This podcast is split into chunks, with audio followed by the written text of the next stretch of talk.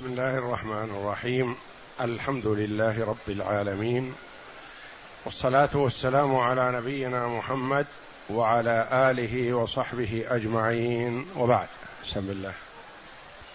أعوذ بالله من الشيطان الرجيم. بسم الله الرحمن الرحيم. الله لا إله إلا هو الحي القيوم لا تأخذه سنة ولا نوم. له ما في السماوات وما في الأرض من ذا الذي يشفع عنده إلا بإذنه. يعلم ما بين أيديهم وما خلفهم ولا يحيطون بشيء من علمه إلا بما شاء. وسع كرسيه السماوات والأرض ولا يئوده حفظهما وهو العلي العظيم. هذه الآية الكريمة آية الكرسي أعظم آية في كتاب الله تبارك وتعالى. جاءت بعد قوله جل وعلا يا أيها الذين آمنوا أنفقوا مما رزقناكم من قبل أن يأتي يوم لا بيع فيه ولا خلة ولا شفاعة والكافرون هم الظالمون. الله لا إله إلا هو الحي القيوم لا تأخذه سنة ولا نوم. هذه الآية الكريمة هي أعظم آية في كتاب الله وتسمى آية الكرسي لأنه ورد ذكر الكرسي فيها. وهي مشتملة على عشر جمل. كل جملة مشتملة على معنى مستقل عن الجملة الأخرى وهي آية واحدة. عشر جمل في هذه الآية كل جملة لها معنى. الله لا إله إلا هو. هذه واحدة. الحي القيوم. ثانية. لا تأخذه سنة ولا نوم. ثالثة. له ما في السماوات وما في الأرض. الرابعة. من ذا الذي يشفع عنده إلا بإذنه. خامسة. يعلم ما بين أيديهم وما خلفهم. سادسة.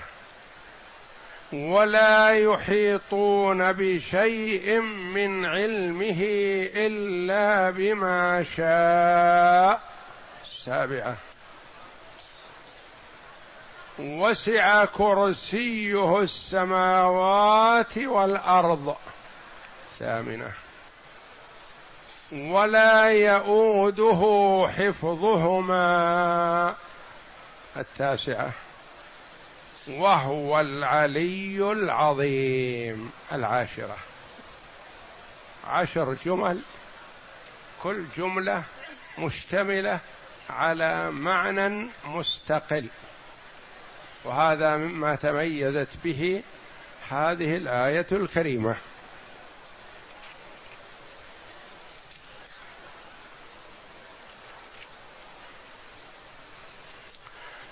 وهذه الجمل مشتملة على أمهات وأصول المسائل العقدية وصفات الباري جل وعلا إثباتا ونفيا.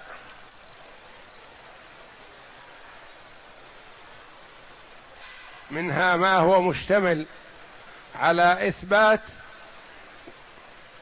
صفات الكمال لله تبارك وتعالى ومنه ما ومنها ما هي مشتملة على النفي. لا تأخذه سنة ولا نوم ولا يؤوده حفظهما. فعن أبي بن كعب رضي الله عنه أن النبي صلى الله عليه وسلم قال له أي آية معك في كتاب الله أعظم. يقول قلت الله ورسوله أعلم. فكرر علي السؤال مرارا فقلت الله لا إله إلا هو الحي القيوم. فضرب على صدري وقال ليهنك العلم أبا المنذر. كان يكنى هو كنيته أبو المنذر رضي الله عنه. اشتملت على صفات عظيمة للباري جل وعلا. وجميع صفات الباري سبحانه وتعالى ترجع إلى هذه الصفات الموجودة في هذه الآية. ومنها اسم الله الأعظم على ما ورد. الله هذا علم على الله على الباري جل وعلا الخالق. دال على أنه هو المألوه المحبوب المعبود وحده لا شريك له. هو الله لا إله إلا هو. كلمة التوحيد. تعادل لا إله إلا الله. لا إله إلا هو. وكلمة التوحيد مشتملة على النفي والإثبات. ولا يتم التوحيد إلا بالنفي والإثبات. الإثبات وحده ما يكفي. والإث والنفي وحده غير صحيح وليس بعبادة.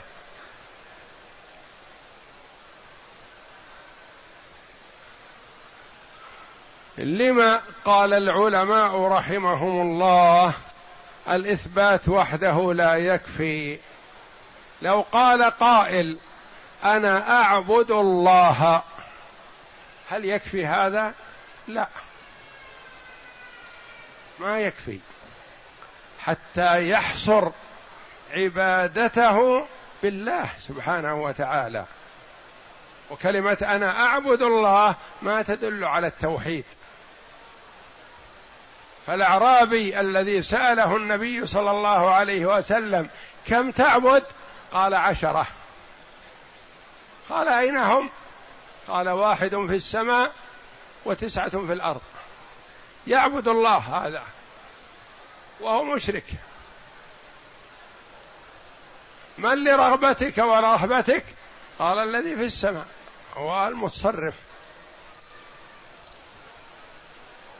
فلو قال قائل أنا أعبد الله ما صح توحيده.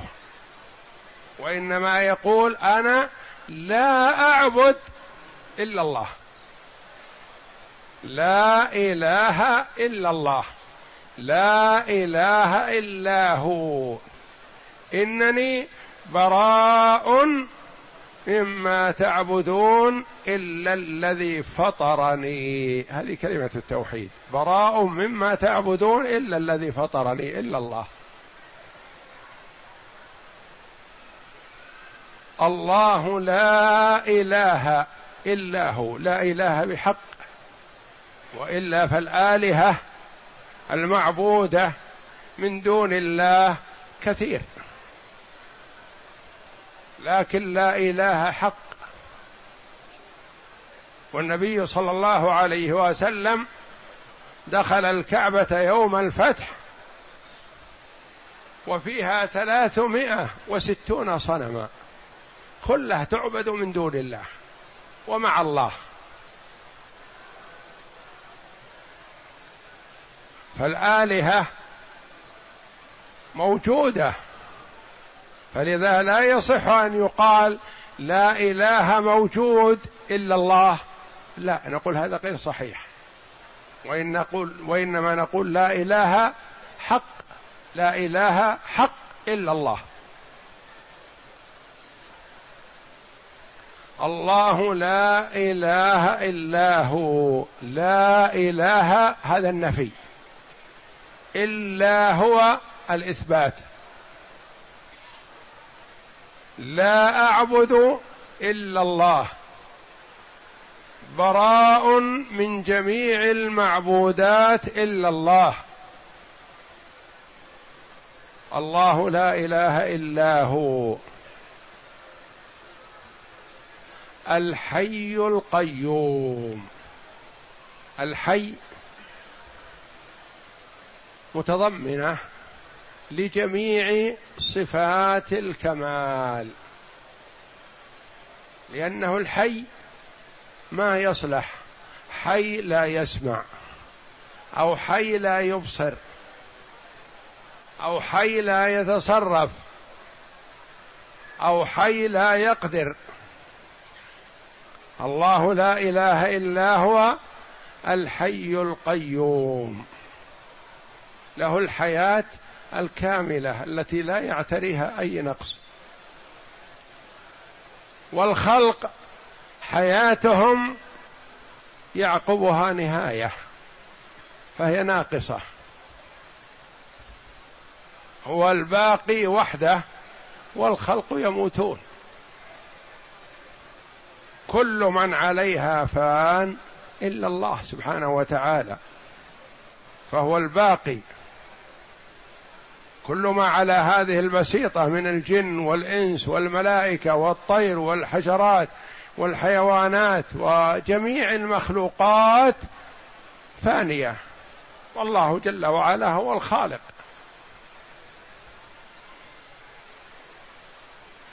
الله لا إله إلا هو الحي الحي القيوم. هذان الاسمان العظيمان قيل هما اسم الله الأعظم. وهما وردا في القرآن مقترنين في ثلاثة مواطن.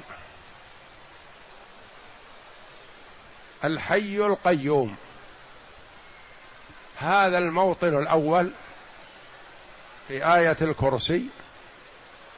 والموطن الثاني في أول سورة آل عمران. ألف لام ميم. الله لا إله إلا هو الحي القيوم. نزل عليك الكتاب. والموطن الثالث في سورة طه. وعنت الوجوه للحي القيوم. قيل ورد في الحديث هذان اسم الله الأعظم. إذا دعي بهما أجاب سبحانه. الله لا إله إلا هو الحي القيوم. القيوم مشتمل على معان عظيمة. أنه قائم بذاته جل وعلا. غير محتاج إلى شيء. بخلاف غيره فكل مخلوق محتاج إلى الله جل وعلا. وهو الغني عن جميع المخلوقات.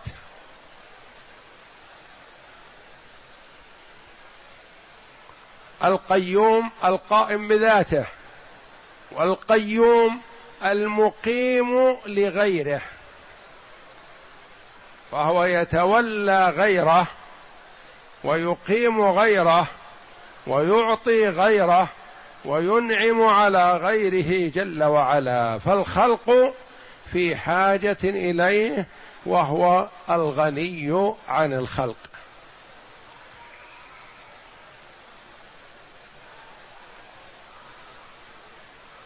الحي القيوم لا تأخذه سنة ولا نوم.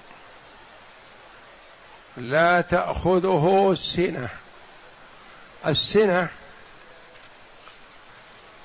قيل هو النعاس وقيل نوع من النعاس.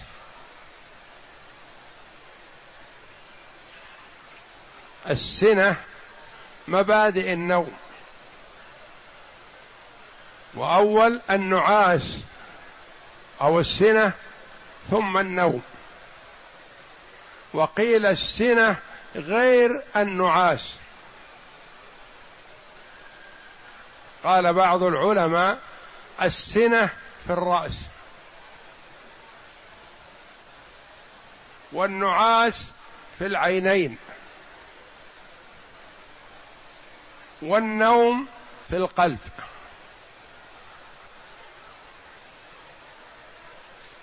فهي تبدأ من الرأس ثم تغمض العينين ثم ينام القلب يكون به النوم. والله جل وعلا منزه عن هذا وهذا. لا تأخذه سنة فضلا عن النوم الذي هو أعظم من السنة. والنعاس.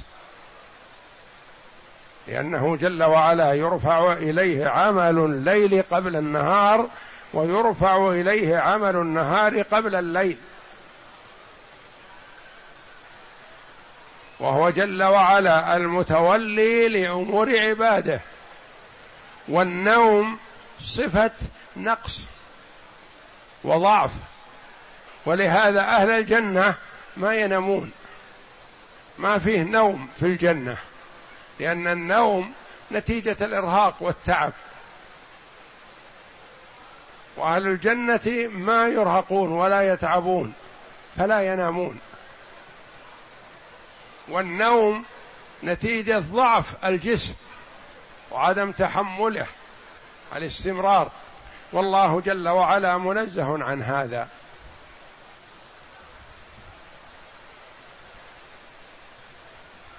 والنفي عن الباري جل وعلا إجمالا. والإثبات تفصيلي.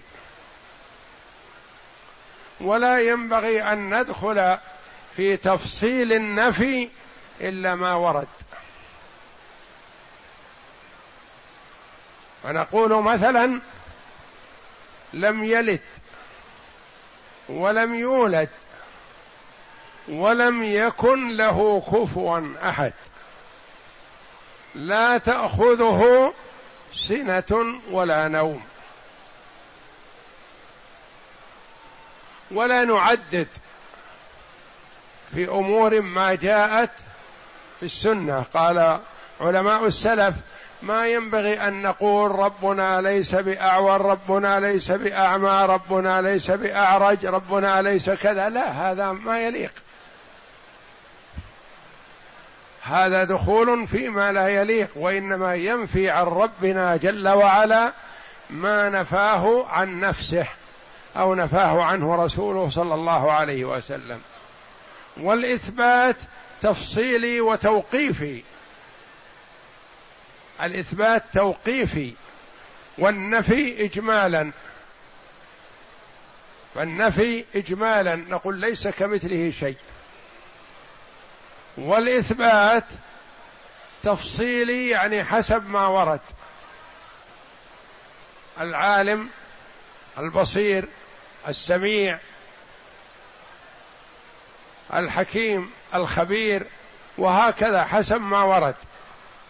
ولا نأتي بصفات لربنا جل وعلا باجتهاد منا.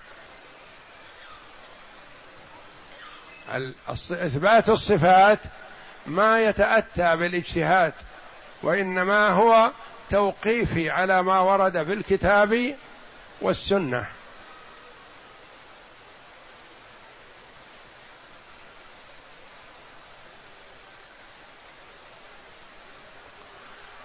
والله جل وعلا بين أسماءه وصفاته لا على سبيل الحصر. فهناك أسماء استأثر الله جل وعلا بعلمها. وهناك أسماء يفتحها الله جل وعلا على رسوله صلى الله عليه وسلم يدعو بها يوم القيامة عند الشفاعة.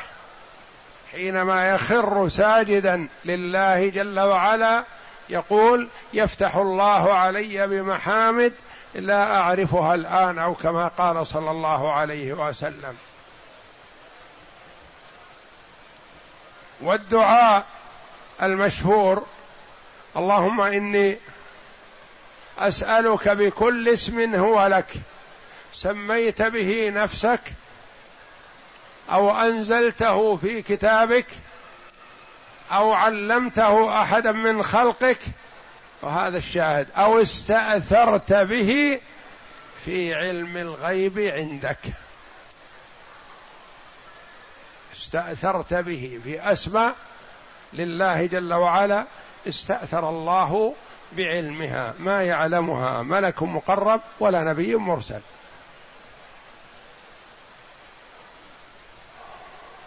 لا تأخذه سنة ولا نوم يعني في مجال النفي ننفي الصفات التي ورد نفيها. ونثبت الصفات التي ورد إثباتها.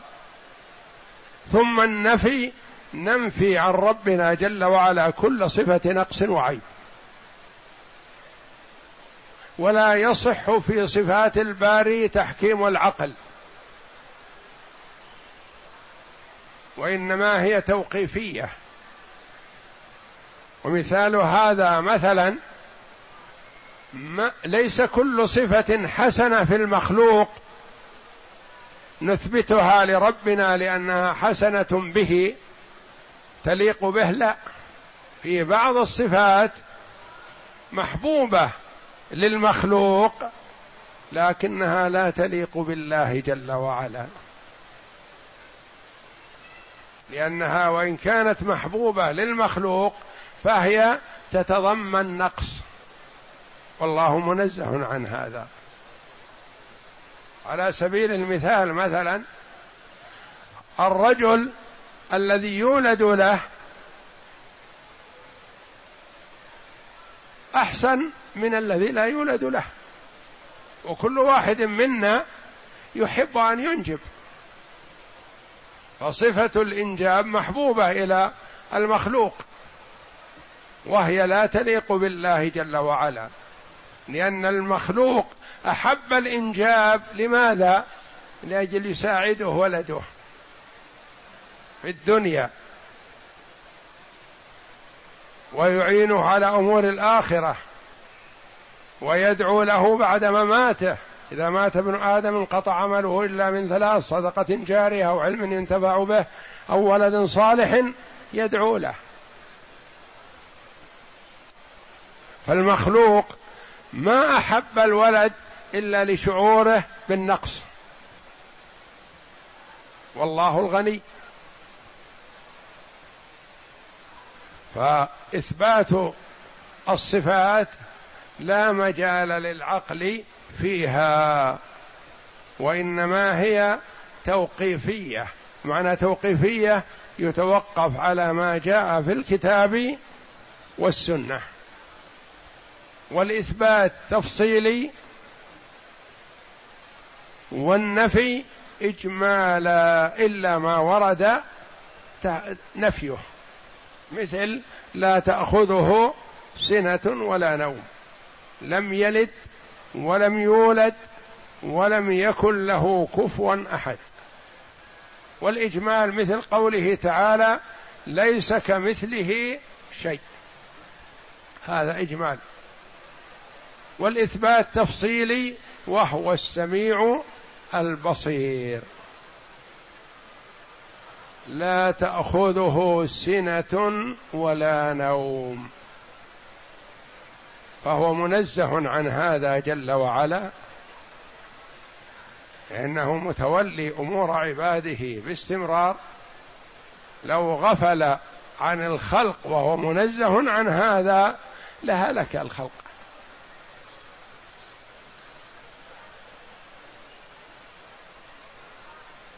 له ما في السماوات وما في الأرض. كلها ملكه.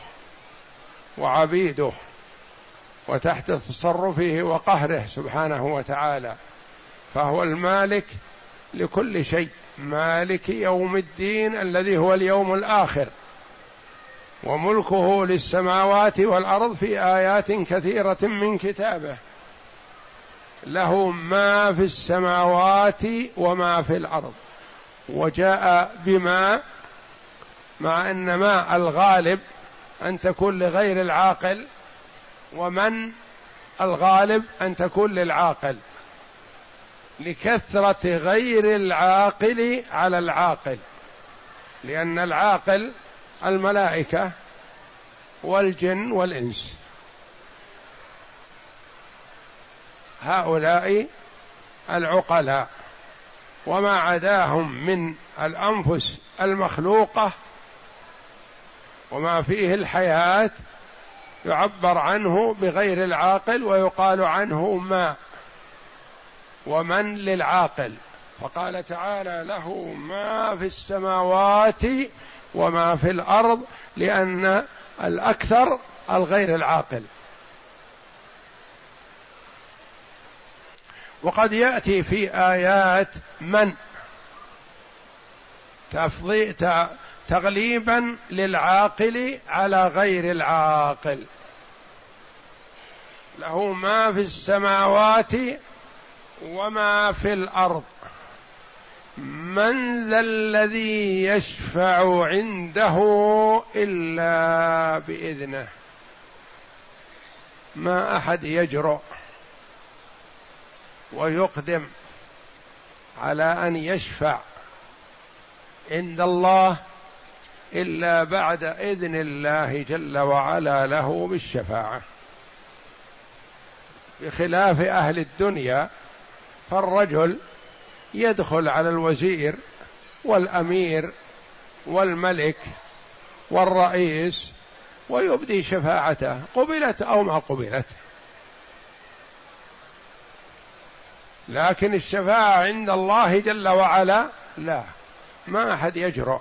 ولا أحد يستطيع أن يقدم على الشفاعة إلا بعد إذنه تعالى. فالشفاعة المثبتة بشرطين إذن الله جل وعلا للشافع أن يشفع ورضاه جل وعلا عن المشفوع له رضاه عنه بالتوحيد. بتوحيد الله وإلا فقد يكون واقع في شيء من المعاصي دون التو... دون الشرك. كما قال عليه الصلاة والسلام شفاعتي لأهل الكبائر من أمتي. فهو عليه الصلاة والسلام يشفع لأهل الكبائر. وأهل الكبائر الواقعون في المعاصي الكبائر دون الشرك. أما الشفاعة في مشرك فلا تتأتى إلا في فرض واحد. جاء عن النبي صلى الله عليه وسلم أنه يشفع في عمه أبي طالب شفاعة لا تنجيه من النار وإنما تخفف عنه. سئل عن هذا فقال هو في ضحضاح من النار يغلي منهما دماغه وفي حديث له شراكان من نار يغلي منهما دماغه ولولا أنا لكان في قعر النار لأنه مات على الشرك. والله جل وعلا قال عن المشركين فما تنفعهم شفاعة الشافعين يعني وهذا في حق أبي طالب صح. ما تنفعه نفعا يسلم من النار يسلم من العذاب وإنما التخفيف.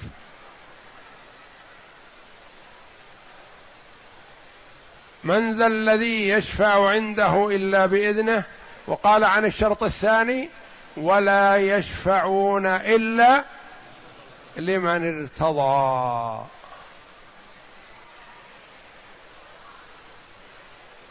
من ذا الذي يشفع عنده إلا بإذنه؟ ما أحد يستطيع أن يقدم أن يشفع أو يطلب من الله جل وعلا أمرا لغيره إلا بعد إذن الله جل وعلا.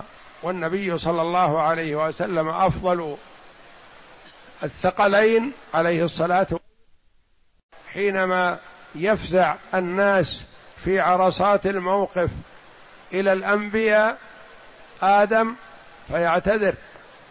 يطلبون منهم الشفاعة عند الله جل وعلا ليريحهم من الموقف. فيعتذر ويحيل إلى نوح. فيعتذر نوح ويحيل إلى إبراهيم. ويعتذر إبراهيم ويحيل إلى موسى. ويعتذر موسى فيحيل إلى عيسى. ويعتذر عيسى ولا يذكر ذنبا ويحيل إلى محمد صلى الله عليه وسلم فيقول أنا لها أنا لها.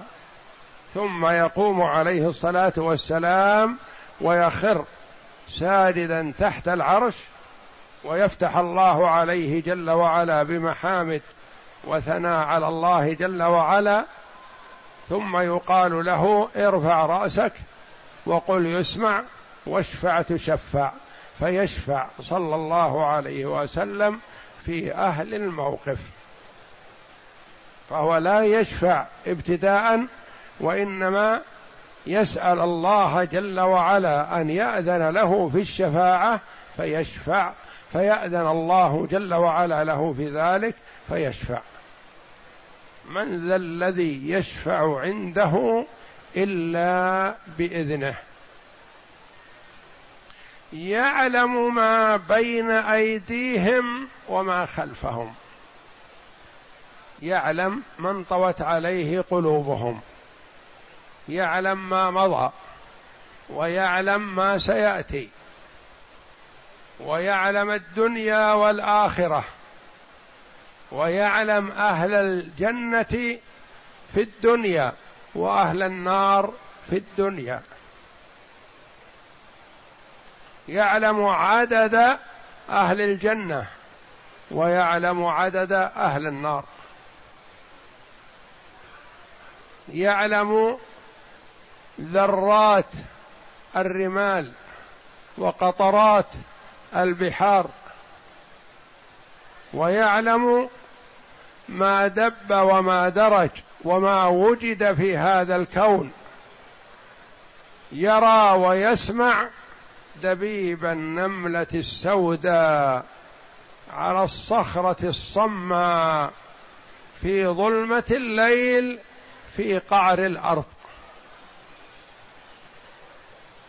يعلم خائنة الأعين وما تخفي الصدور جل وعلا. علمه أحاط بكل شيء سبحانه وتعالى. يعلم ما بين أيديهم ما أمامهم وما خلفهم خلفوه أو الدنيا والآخرة.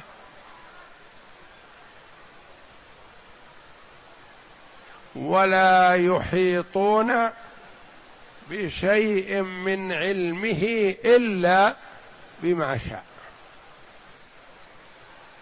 إلا من ارتضى من رسول فإنه يسلك من بين يديه ومن خلفه رصدا. عالم الغيب والشهادة. عالم الغيب لا فلا يظهر على غيبه أحدا إلا من ارتضى من رسول. يطلعه على ما شاء. فالنبي صلى الله عليه وسلم لا يعلم الغيب بنفسه وإنما الله جل وعلا أطلعه على ما شاء من الغيب.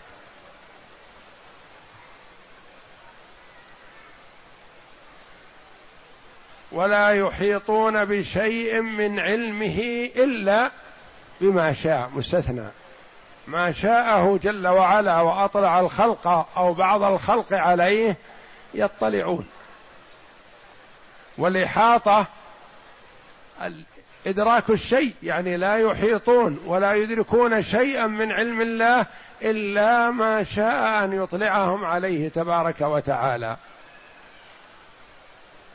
إلا بما شاء. وسع كرسيه السماوات والأرض. أقوال للعلماء رحمهم الله في الكرسي. الكرسي قيل هو ذات دون العرش. ذات مخلوقة دون العرش. جاء أنه موضع القدمين للباري جل وعلا. وبين صلى الله عليه وسلم في أحاديث أن السماوات السبع في الكرسي كسبعة دراهم ملقاة في ترس. وفي حديث آخر كحلقة من حديد في فلاة من الأرض. والكرسي نسبته إلى العرش كحلقة من حديد ملقاة في فلاة من الأرض.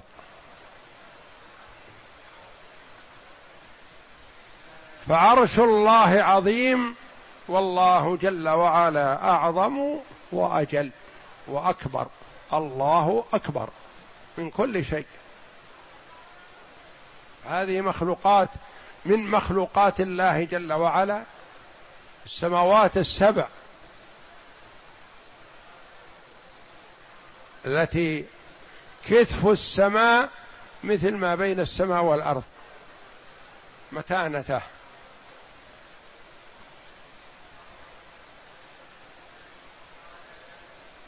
وهي عظيمة. وسبع سماوات. تلقى في الكرسي تكون كسبعة دراهم.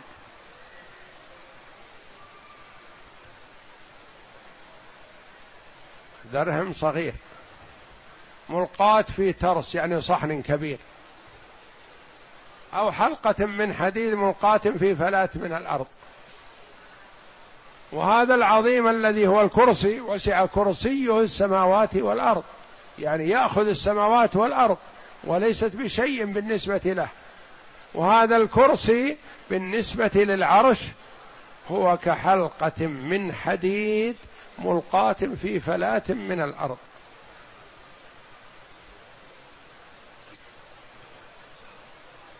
وسع كرسيه السماوات والأرض. وهذا هو القول المشهور والمختار لدى كثير من المحققين. وقيل كرسيه علمه لأن كلمة كرس تدل على العلم. فيقال مثلا العلماء كراسي. ويقال في الكراسة التي يثبت فيها العلم يقال كراسة لأن فيها العلم.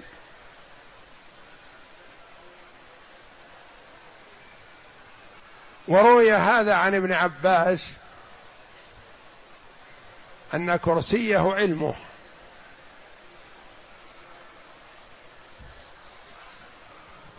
وسع كرسيه السماوات والأرض والمختار أن الكرسي ذات دون العرش. وجاء في بعض أحاديث أنها موضع القدمين للباري جل وعلا. والله جل وعلا غني عن الكرسي وغني عن العرش وغني عن سائر المخلوقات. وسع كرسيه السماوات والأرض وسعها يسعها ولا يؤوده آده بمعنى أثقله ولا يؤوده حفظهما. قد يتحمل المخلوق شيء يستطيع حمله أو يستطيع حراسته أو يستطيع متابعته لكن بمشقة. والله جل وعلا لا يؤوده ولا يشق عليه خلافا لما تزعمه اليهود عليهم لعنة الله. قالوا إن الله خلق الخلق في يوم الأحد والاثنين والثلاثة والاربعاء والخميس والجمعة. واستراح يوم السبت. والله جل وعلا لا يثقله شيء ولا يعجزه شيء ولا يتعبه شيء ولا يؤوده يثقله أو يشق عليه. حفظهما حفظ السماوات والأرض. لا يؤوده لا يثقله. وهو العلي.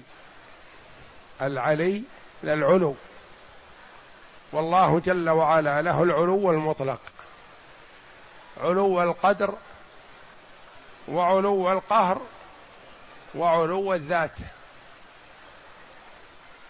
علو القدر وعلو القهر وعلو الذات ولكل علو معنى وهي تجتمع تكون لله جل وعلا والله جل وعلا عال على خلقه ولا يحوزه شيء من الخلق يعني ما تحوزه السماوات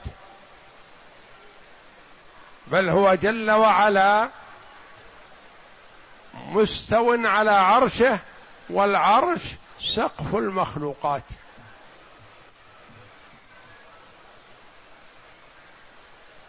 والله جل وعلا فوق العرش.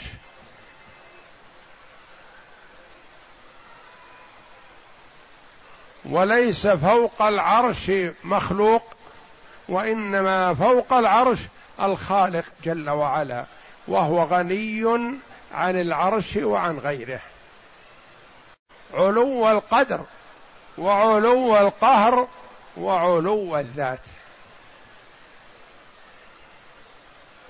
علو القدر التعظيم والإجلال والمحبة وامتثال الأمر والطاعة. له سبحانه وتعالى. وعلو القهر هو قاهر لخلقه. ما أحد يستطيع أن يفلت من يده ومن قدرته. وعلو الذات هو في العلو جل وعلا. وفي العلو عال على خلقه. ولا يحوزه جل وعلا شيء من خلقه تبارك وتعالى. نوضح أنواع العلو. فمثلا قد يوجد من المخلوقين من له علو قهر وآخر له علو قدر. وآخر له علو ذات.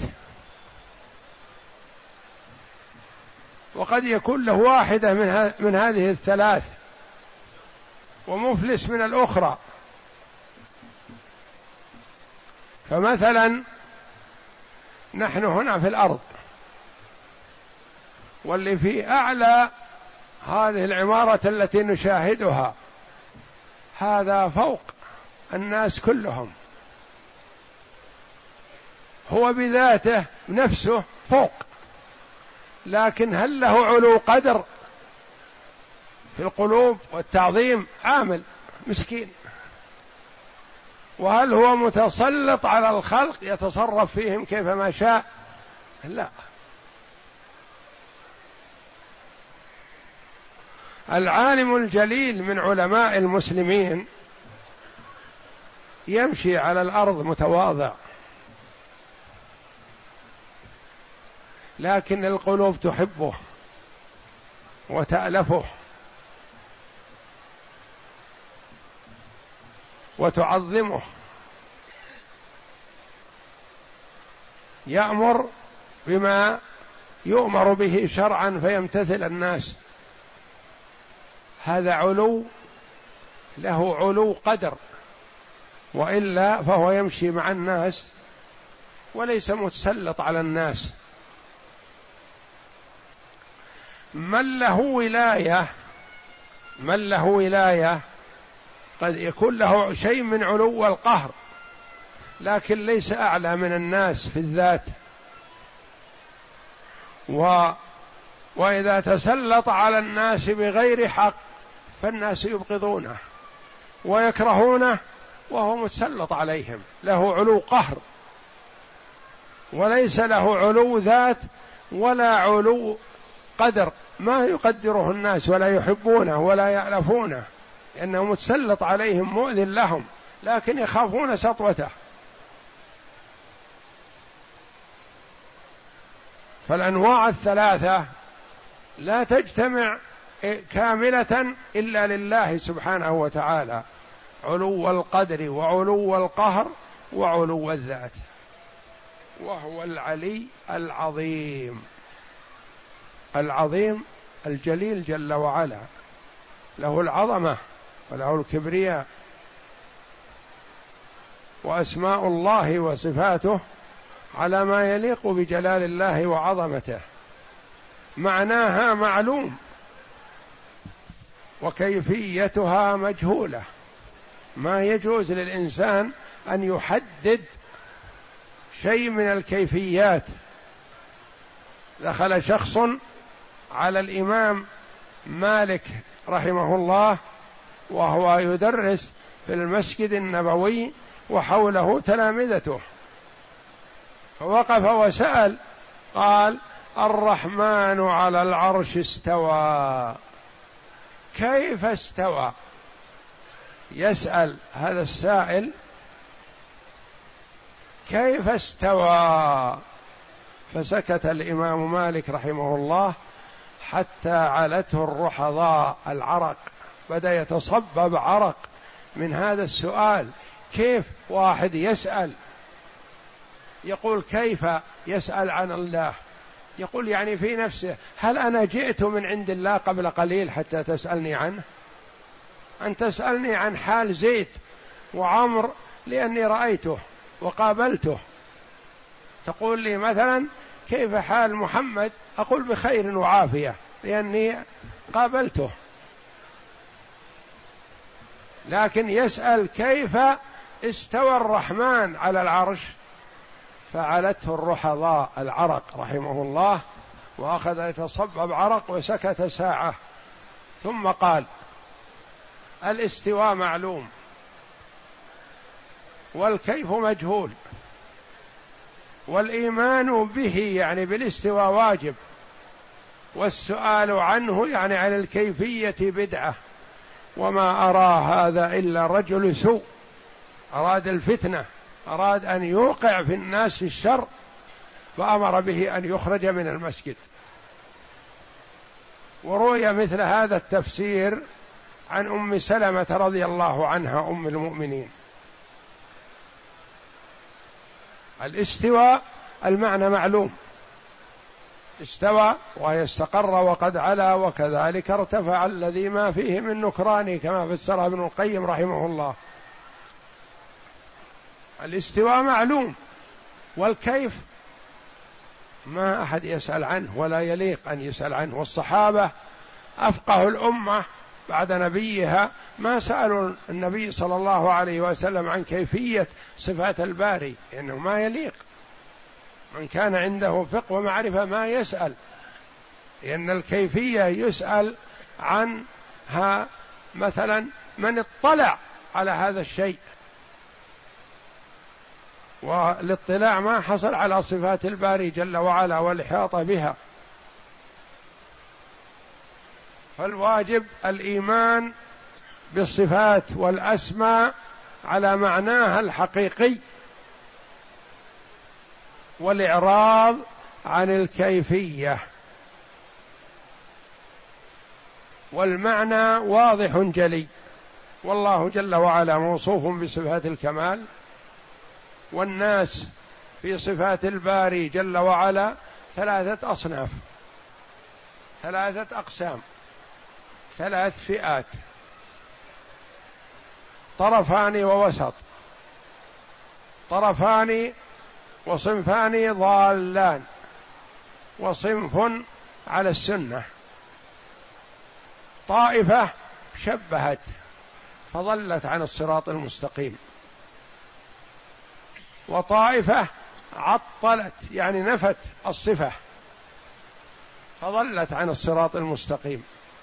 وأهل السنة والجماعة وسط بين الفئتين أثبتوا إثباتا بلا تشبيه ونزه الله جل وعلا تنزيها بلا تعطيل. المشبهة ضلوا قالوا له يد كيدي ووجه كوجهي تعالى الله. المعطلة وقعوا في التشبيه اولا ثم فروا منه فعطلوا. يعني قالوا لا نثبت اليد ولا الوجه ولا كذا ولا كذا من الصفات الواردة في الكتاب والسنة لأننا إذا أثبتنا شبهنا. ولا يجوز لنا التشبيه. نقول نعم التشبيه لا يجوز لكن كذلك لا يجوز التعطيل. نفي صفات الباري جل وعلا تنقص له سبحانه.